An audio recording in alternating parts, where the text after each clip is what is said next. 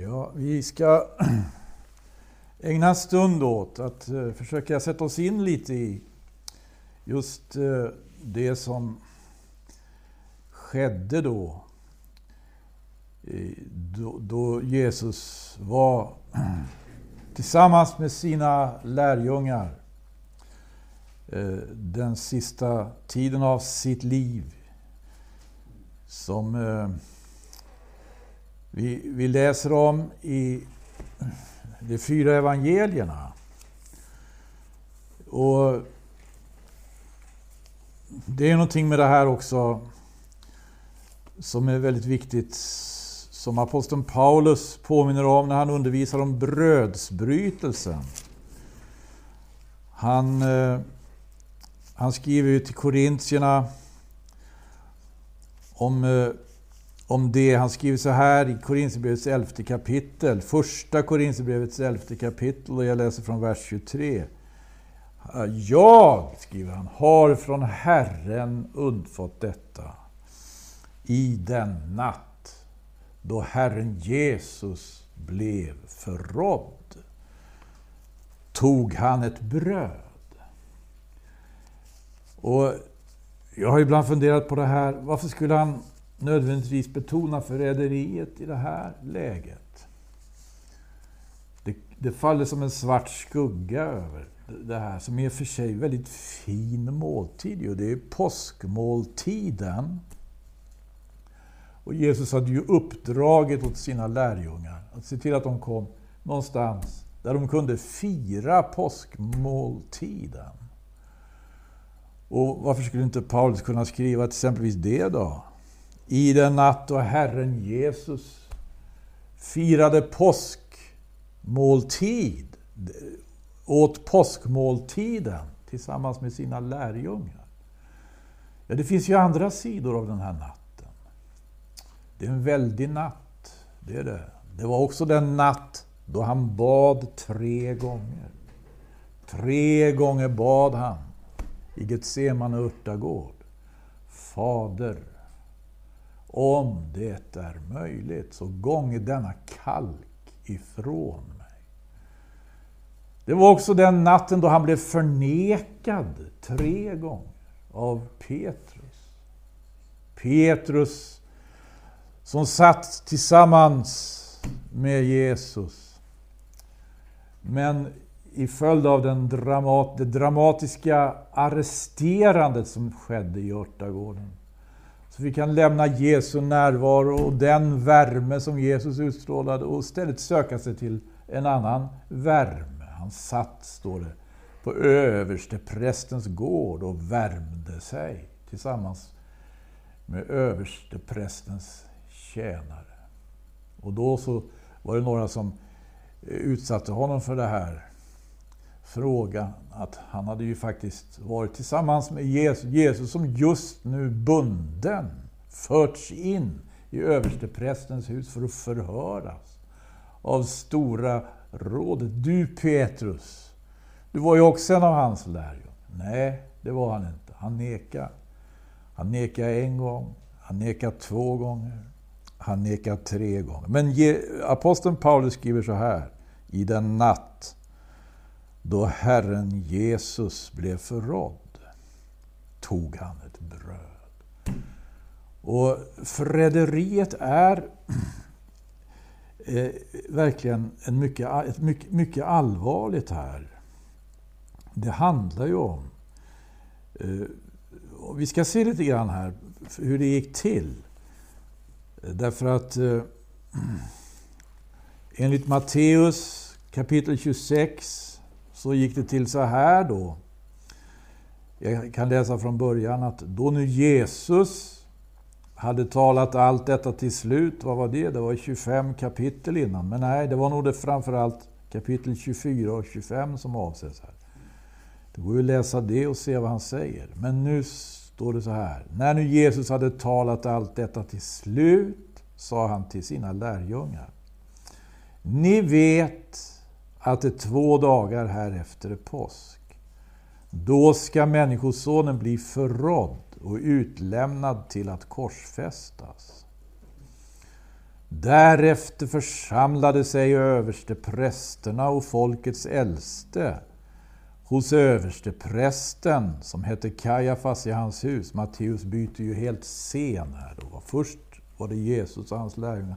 Sen är vi i översteprästen Kajafas hus. Och där rådslog de om att låta gripa Jesus med list och döda honom. Men det sa, icke under högtiden.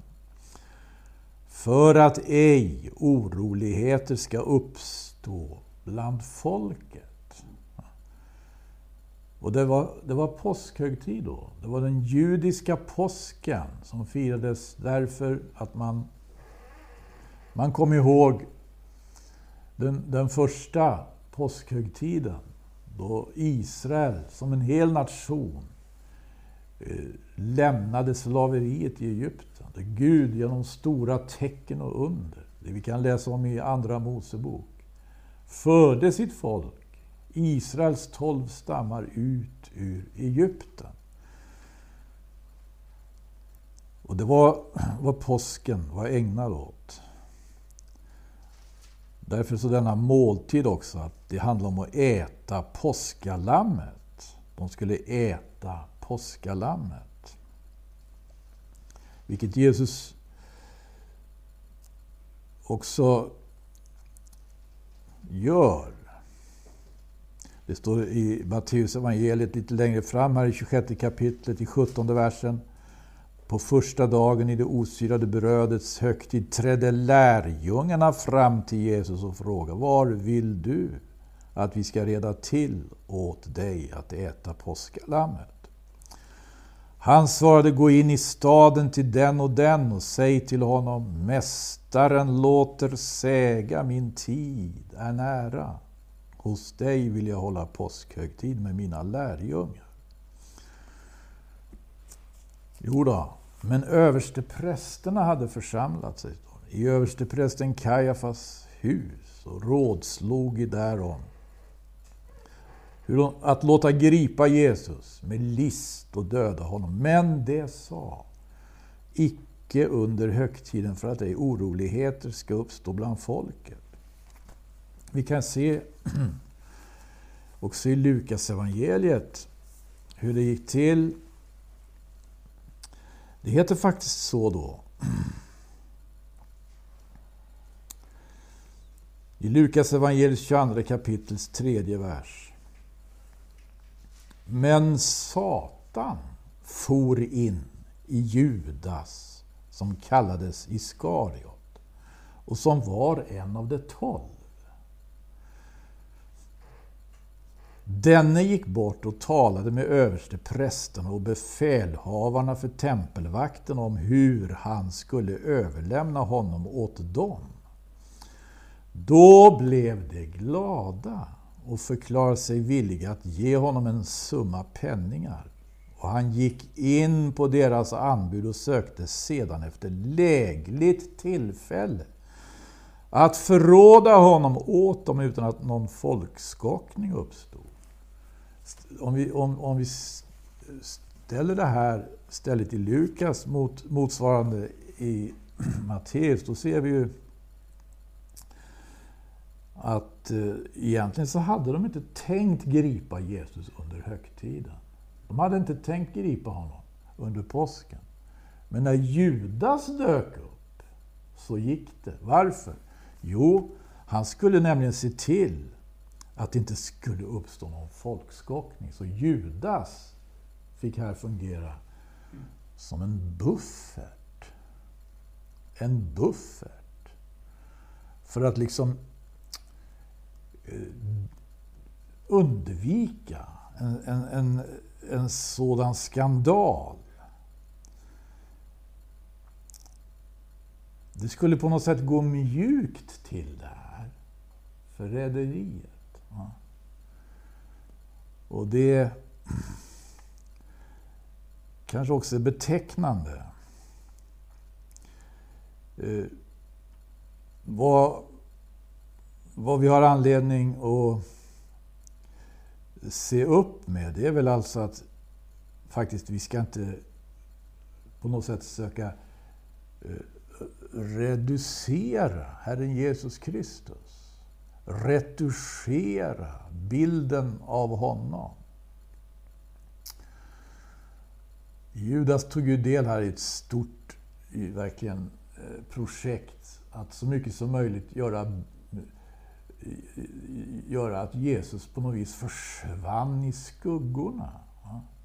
Han tog del i, ett, i en plan, den planen som hade fattas beslut om i översteprästen Kajafas hus, fast man egentligen hade tänkt genomföra den på ett senare stadium. Han tog del i den på det viset. Att han såg till att Jesus försvann i skuggorna. Att det inte var så tydligt här egentligen, vad som hände. Och det här är väl faktiskt, tycker jag, en, en väldigt allvarlig Eh, eh, eh, ska vi säga faktor som det alltid gäller att se upp med i alla tider. Man får faktiskt ställa frågan, tycker jag, här. Vad, vad sker i, i det kristnas led? Vad sker i de kristna församlingarna? Vi brukar ibland ställa frågan, vad, vad, vad, ska du göra med Jesus? När vi talar om nödvändigheten av att bli frälst. Nödvändigheten av att se honom som han är. Och ta emot honom som han är. Och inte göra det här annorlunda på något vis. Eh, vi ska läsa lite vidare här, tror jag. I Lukas också. När stunden var inne, står det i 14 versen. Lukas 22. När stunden var inne lade han sig till bords och apostlarna med honom. Och han sa till dem, jag har högerligen åstundat att äta detta påskalamm med er förrän mitt lidande begynner. Ty jag säger er, jag läser från 1917, lite gammalmodigt språk kanske, men inte helt obegripligt va. Jag säger er att jag inte mer ska fira denna högtid förrän den kommer till fullbordan i Guds rike. Och så delar han brödet och skiftar kalken. Och så talar han mycket allvarligt med lärjungarna om att den som förråder honom, hans hand är med honom där på bordet. I vers 21. Ty Människosonen ska gå bort så som förut är bestämt. Men ve den människa genom vilken han blir förrådd. Och sen så börjar lärjungarna diskutera med varandra och vem, om det här, vem det här kunde vara. Och det här är ju naturligtvis det här är en mycket allvarlig stund. Den natt då Herren Jesus blev förrådd. Det allvarliga med det här, det är ju just det att här, genom, genom så att säga att Jesus gör det han gör, så borrar han sig själv så djupt in i mörkrets rike. Att han faktiskt om intet gör det som är själva, ska vi säga, huvudet. Det var det här Jesus skulle göra.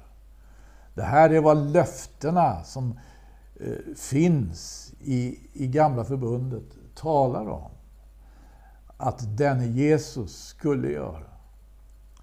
Det finns eh, ett löfte redan i Första Moseboks tredje kapitel om att kvinnans säd ska söndertrampa ormens huvud.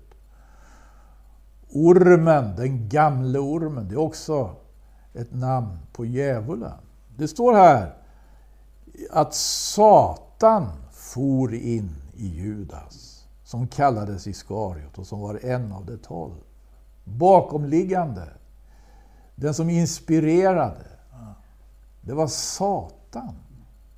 Och Jesus, han hade ju kommit för att eh, ta itu med detta. Eh, med denna eh, förste, mörkrets förste, för det är det han är. Och eh, det, det är faktiskt på det sättet. Och det här kanske inte alltid så... Ja, det är inte så lätt kanske att, att riktigt få tag i men att fatta det. Men det som sker vid det här bordet när Jesus sitter tillsammans med sina lärjungar. Ja. Och en av dem blir avslöjad. En av dem blir avslöjad. Eh, och det, blir, det sker, det är sant också. Det, därför att det, det, det var, han hade redan vidtagit så allvarliga, vidtagit så pass långtgående åtgärder för att förråda Jesus. Så det här avslöjandet, det kom ju verkligen i tid och det förberedde eh, lärjungaskaran på... Det ser ut som om lärjungaskaran inte höll sig så särskilt stadigt till Jesus i den här situationen. Det står att alla övergav honom. Alla övergav honom. Men tack och lov, alla följde inte efter Judas, även om de övergav honom. Och eh, Vad som sker vid, vid det här bordet, det är ju faktiskt det att det sker samma sak på jorden som en gång skedde i himmelen. Då en av förstarna, en av furstarna föll. Det kan vi läsa om i, i psalm 82. Psalm 82. Det står så här.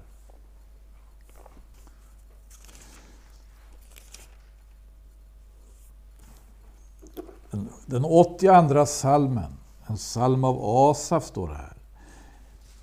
Gud står i gudaförsamlingen. Mitt ibland gudarna håller han dom. Hur länge ska ni döma orätt och vara partiska för det ogudaktiga? Selah. Skaffa denna arme och faderlöse rätt. Ge den betryckte och torftige rättvisa. Befria denna arme och fattige, rädda honom från det ogudaktigas hand. Men det veta intet och har intet förstånd, det vandra i mörker. Jordens alla grundvalar vacklar. Ni förstår att det kan att det är problem med världen, det är inte så konstigt. Jag har väl sagt, säger Gud till gudarna, eller till änglarna. Jag har väl sagt att ni är gudar och allesammans den högste söner. Men ni måste dock dö så som människor dö. Ja, änglar ska ju inte dö. Det här sägs också om makthavare. Makthavare. De som är, eh, som är, som är som har fått en nästan gudomlig makt ibland över folkskarna. Fast de är, de är inte gudar. Ni måste dock dö så som människor dö och falla Såsom en av furstarna. Falla såsom en och annan lyfter nu ett ögonbryn, för det står väl inte så här, men 1917 översätter det här helt fel. Det står i 1917 lika väl som var förste faller. Och tyvärr har andra svenska bibelöversättningar, folkbibeln och Bibel 2000 följt det här. Det står inte var första, det står så som en av furstarna. Och vad är det här för någonting?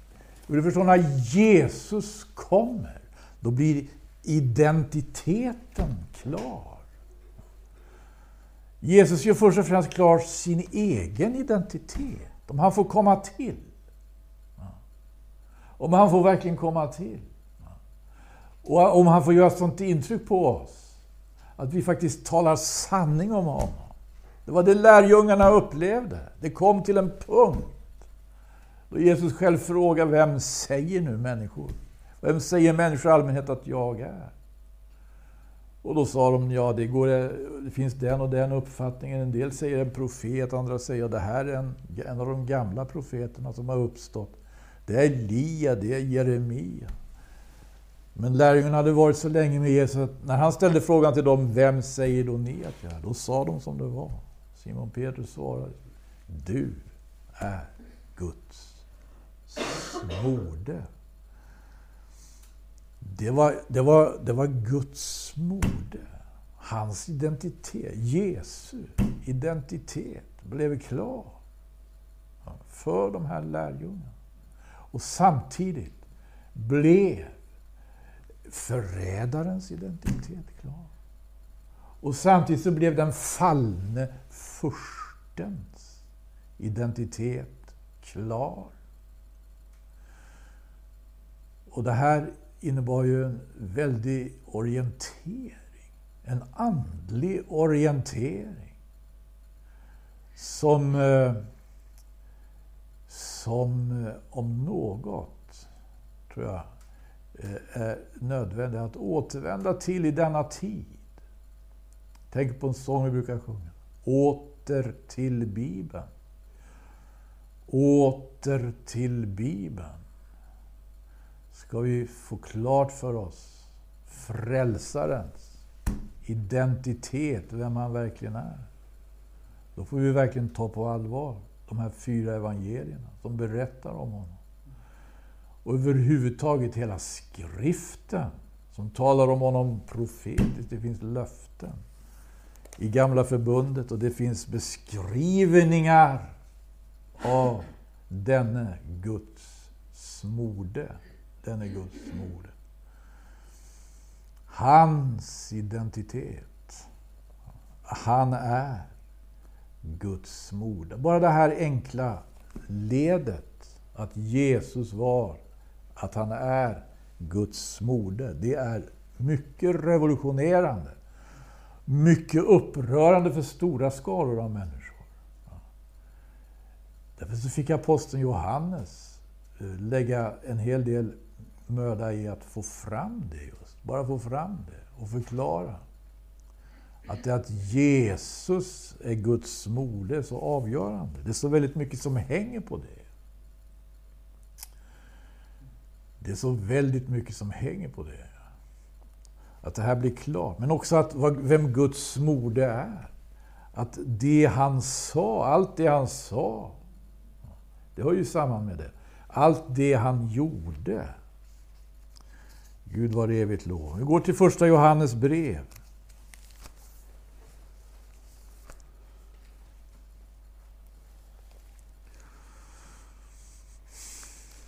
Första Johannes brev.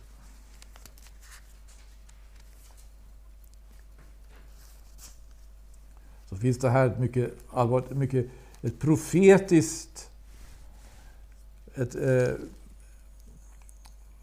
en profetisk undervisning som ser framåt. Det här var vad aposteln Johannes skrev i, Johannes första brevs andra kapitel. Jag läser från 18 versen. Mina barn, nu är den yttersta tiden. Ni har ju hört att en antikrist ska komma. Och redan har många antikrister uppstått. Därav förstår vi att den yttersta tiden är inne. Vad gör dessa antikrister då? Ja, vi ska se vad Johannes säger vidare. Från oss har de utgått, men de hörde icke till oss. Ty hade de hört till oss, så hade det förblivit hos oss.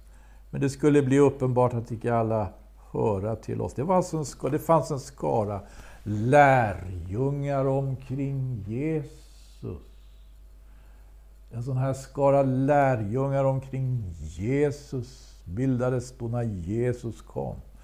Och när budskapet om Jesus Kristus har blivit predikat tiderna igenom, då har det bildats såna här skaror av lärjungar.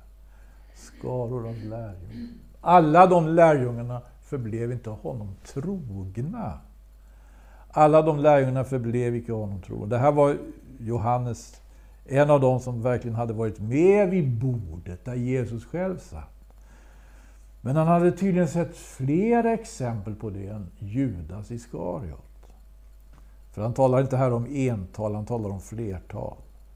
Från oss har det utgått. Men det hörde icke till oss. Ty hade det hört till oss så hade det förblivit hos oss. Men det skulle bli uppenbart att icke alla höra till oss. Ni åter har mottagit smörjelse från den Helige och ni har alla kunskap. Jag har skrivit till er, icke därför att ni icke känner sanningen, utan därför att ni känner den och vet att ingen lögn kommer av sanningen. Vilken är lögnaren? Om icke den som förnekar att Jesus är Kristus.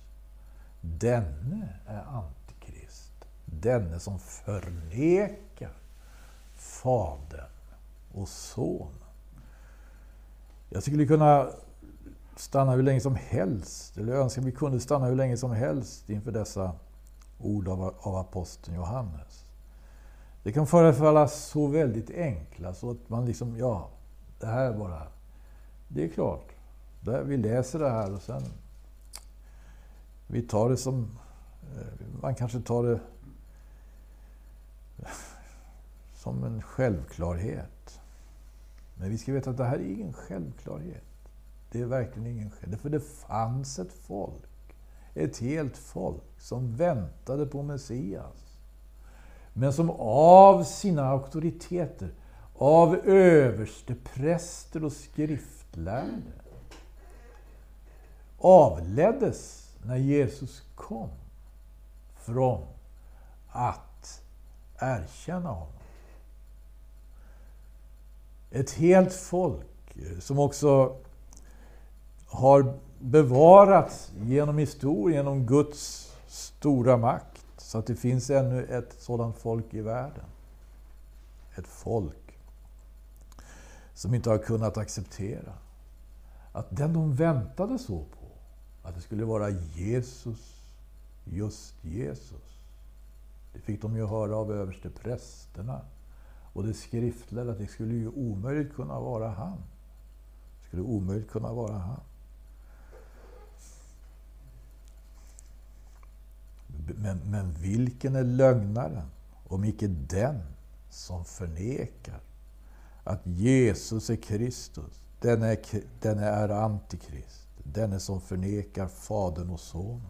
Står det klart för oss vem Jesus är, ja då står det också klart för oss vem Antikrist är.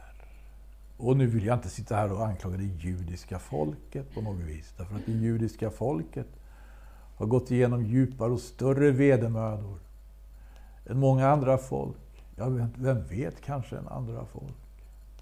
Och det var ju så, vet du. Med, med de tolv stamfäderna.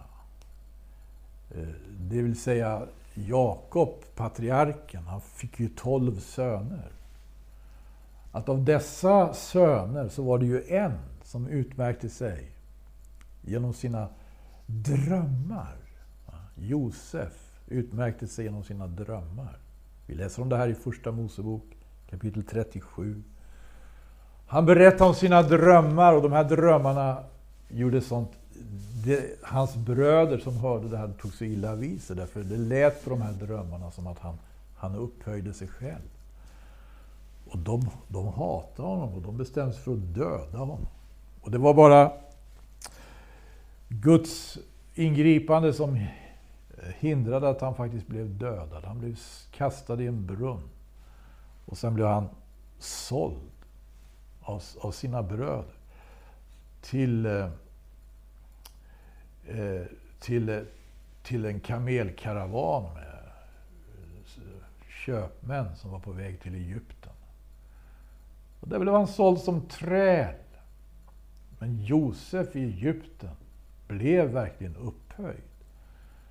Därför han hade en väldig förmåga, inte bara att drömma drömmar själv, utan han kunde tyda andras drömmar. Det visade sig att han kunde tyda deras drömmar som han hamnade i fängelse tillsammans. Han hamnade i fängelsen. Han, dröm, han tydde deras drömmar. Och de, hans, de drömmarna han tydde, det var drömmar som... Det var inte vilka som helst som hade drömt. Det var överste, överste bagaren i faraos hus. Och överste munskänken. Som bar fram vinet åt farao. Och då, då han hade drömt, då, då han hade tytt deras drömmar. Så var det en av dem som fick fram det här så småningom till farao, när farao själv drömde. Han drömde ju. Han drömde om sju magra kor som steg upp ur Nilfloden. Och efter dem kom sju feta kor. Men de sju magra korna, de åt upp de sju feta korna. Det var en av de drömmar som farao drömde. Och han undrade vad det betydde. Och då var det en det var överste Munschengen. Han hade suttit i fängelse med Josef. Han kom ihåg att Josef kunde tyda drömmar. Då berättade han det för far. Det finns en man. Han sitter i fängelse tyvärr. Men det fanns en som kunde tyda och då blev han hämtad och då fick han tyda drömmen för farao. Så kunde han hjälpa så att Egyptien kunde klara sig igenom en kommande hungersnöd. Och han blev ju väldigt upphöjd, Josef. Och det ledde till att så småningom, när det blev en stor hungersnöd och man behövde bröd, då hade Josef rått farao hur han skulle så att säga bunkra upp. Så det fanns väldiga förråd med säd. Och alla länder omkring, de kom till Egypten och till farao för att köpa säd under den här hungersnöden. Även, även Jakobs söner erfor ju den här hungersnöden. De hade ingenting i, i Kanans land heller. De fick åka till Egypten och där mötte de Josef som de hade kastat i en brunn. Men de kände inte igen honom. Han hade anammat en den egyptiska kulturen. Han såg inte ut som den som en gång var deras bror. Han klädde sig inte som den som en gång var deras bror. Han uppträdde inte som den som en gång var deras bror, deras lillebror, de flestas lillebror. Han var mäktig först i Egypten. Och, men han kände igen dem. Han kände igen dem.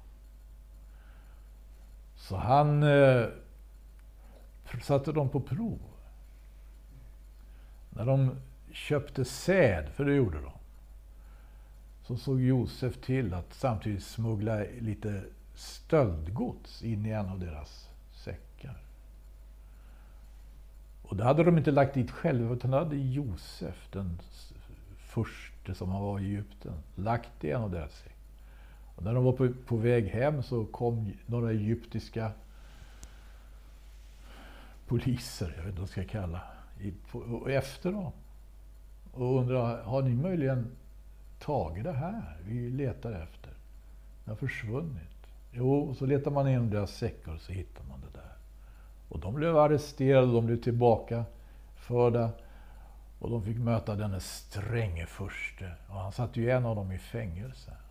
Och, eh, utan att utan att han fick sätta en av dem i fängelse. Och utan att han tagit ett löfte av dem att nästa gång skulle de ta med sig Benjamin. Benjamin var nämligen Josefs helbror. Så skulle han inte släppa dem. Då satt de här bröderna och, och, och kämpade med en väldig...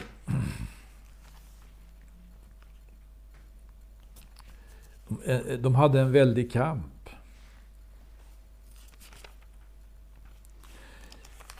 Det står att de resonerar med varandra. De visste att de måste... De hade fått säd, ja. Men de visste nu att... Och de kom tillbaka till sin pappa Jakob med allt de hade och inte hade med sig en av bröderna som satt där i fängelse. Och dessutom var tvungna att ta med sig Benjamin som inte hade kommit med än. Då skulle det här bli förskräckligt rent förskräckligt.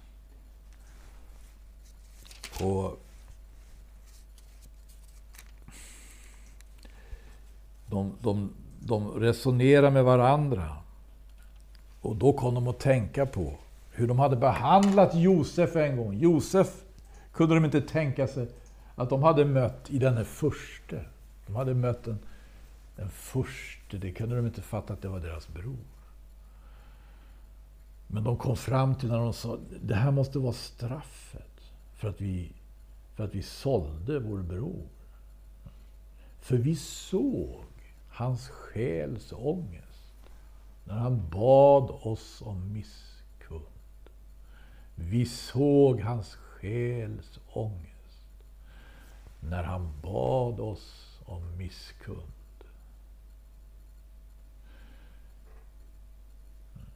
Så därför har vi också hamnat i den här situationen.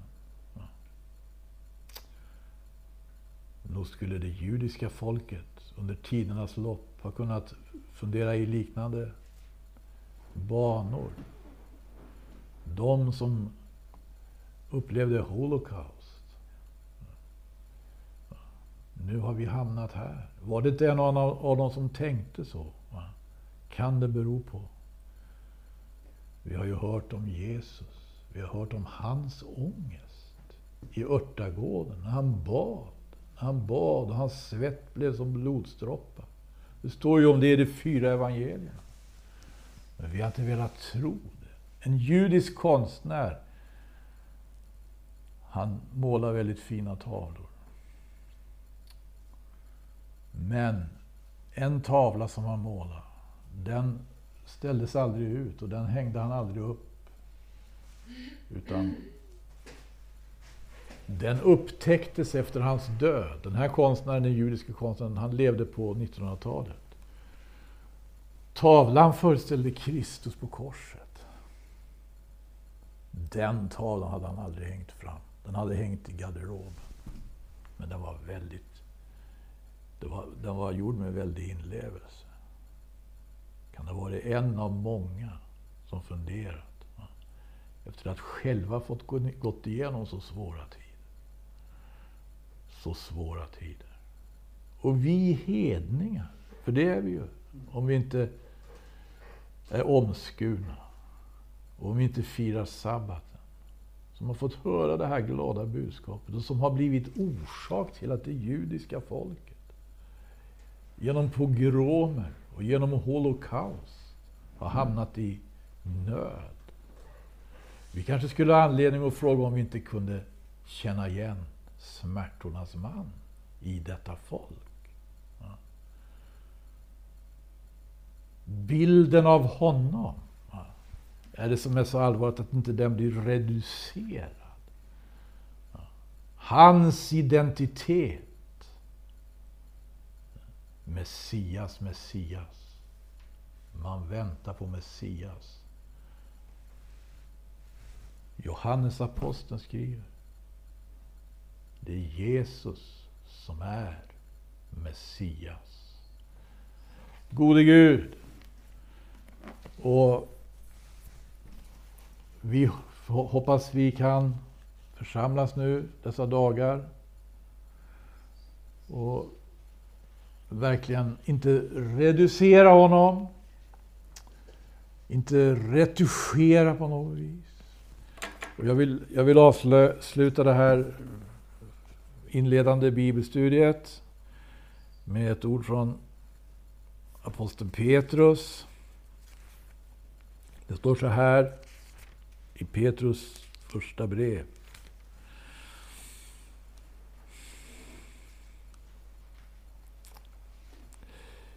Jag läser från 18 versen i tredje kapitlet.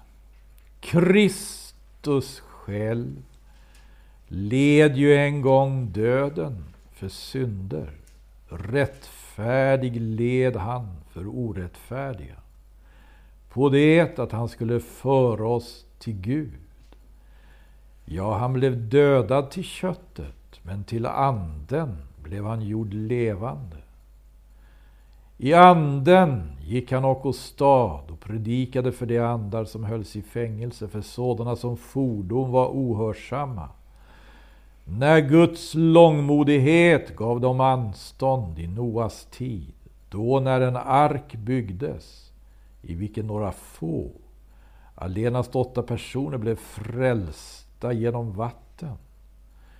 Efter denna förebild blir nu också ni frälsta genom vatten, nämligen genom ett dop som icke betyder att man avtvår kroppslig orenhet, utan betyder att man anropar Gud om ett gott samvete i kraft av Jesu Kristi uppståndelse.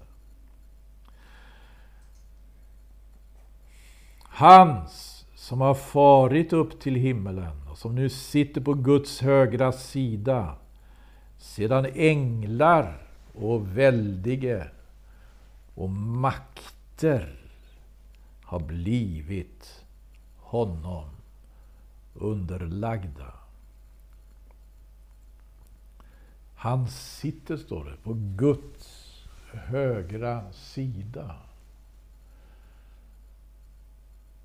Finns det någon anledning att reducera honom? Det tror jag inte. va? Retuschera bilden av honom så han blir mer tidsenlig, mer tidsanpassad. Kanske mjuka upp vårt möte med honom. Mm -hmm, vadå? Gå Judas Iskarios väg? Nej, Gud förbjude. Vi måste ställa oss inför det här budskapet. Vi måste se honom som han är, ta emot honom som han är. Åter till Bibeln, boken om vår frälsning, given av Herren. Amen. Herre Jesus, vi tackar dig, vi prisar dig. Tack att du är densamme. Jesus Kristus är densamme igår, idag, så och i evighet betyder ingen förändring. Det är vad han har sagt som gäller. Det som han har gjort. När vi ställs inför detta, gode Gud, så är det saligt och välsignat och vi ska inte på något vis försöka förändra honom. Gud hjälp oss och led oss i Jesu namn. Amen.